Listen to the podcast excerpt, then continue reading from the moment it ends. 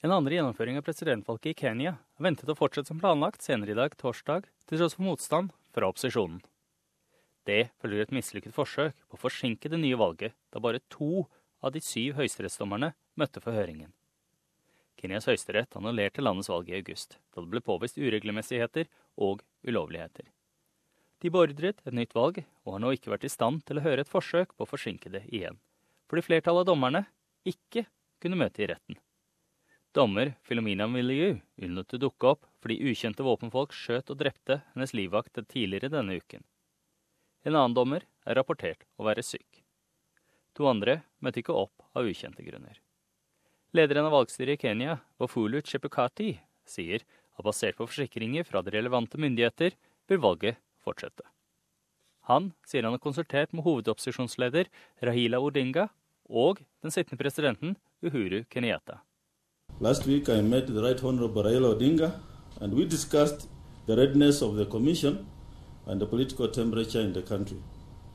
Earlier on this week, I also met the President to discuss the same issues.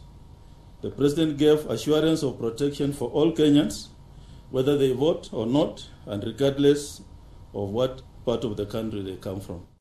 President Kenyatta ber om ro og oppfordrer kenyanerne til å stemme. Han sier at sikkerhetsstyrker vil bli mobilisert over hele landet for å sikre ro og orden under avstemningen.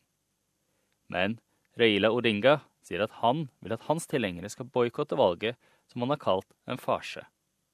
Han oppfordrer sin kollisjon til å bli det han kaller en motstandsbevegelse, og beskylder presidenten for å drive et relativt stabilt og åpent land mot et autoritært styre.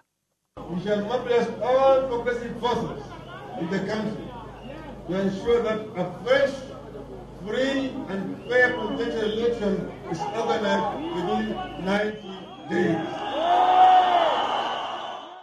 Generalsekretæren i Kenyan Jubilee Party, Raphael Tuju, har utstedt en advarsel til alle som planlegger å forstyrre valget. We as a party will take serious action, serious legal action against any individual who obstructs or harasses any of our supporters who decide to exercise their constitutional and democratic right to vote tomorrow. And that warning is also relevant to our agents.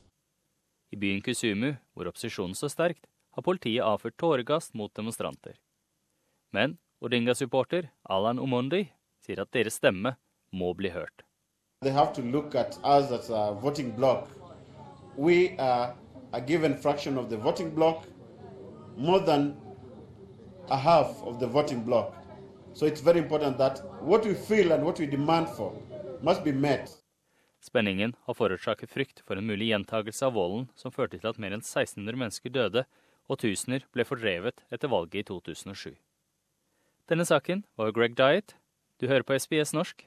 Jeg er Frank Mathisen.